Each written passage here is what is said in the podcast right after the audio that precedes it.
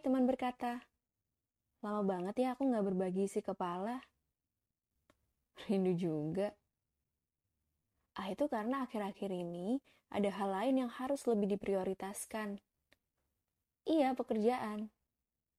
Teramat rumit akhir-akhir ini. Melelahkan. Nampaknya 2020 patut dinobatkan jadi tahun yang melelahkan gak sih?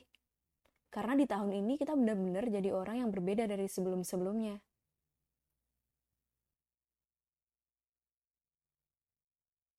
Kita harus dipaksa jadi manusia yang hidup berjauh-jauhan dengan manusia lain.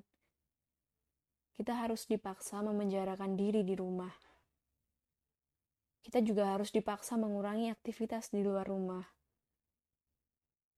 Dunia jadi berasa sepi.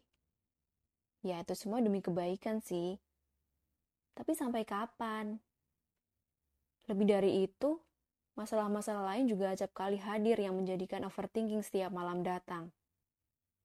Belum lagi masalah insecurity. Hmm, kesabaran memang sangat diuji di tahun ini. Kita juga turut dituntut belajar merendahkan ego yang aku tahu itu sangat nggak mudah.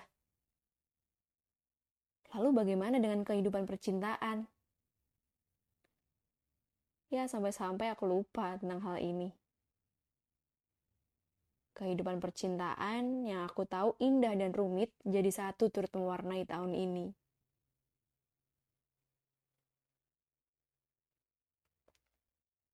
Teruntuk 2020-ku, terima kasih sudah datang dengan segala kerumitan yang datang secara tiba-tiba.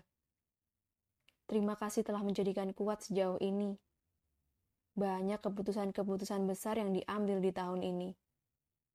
Aku tahu ini gak mudah, banyak juga pengharapan yang tak kunjung didapat di tahun ini dan semoga 2021 lebih baik lagi.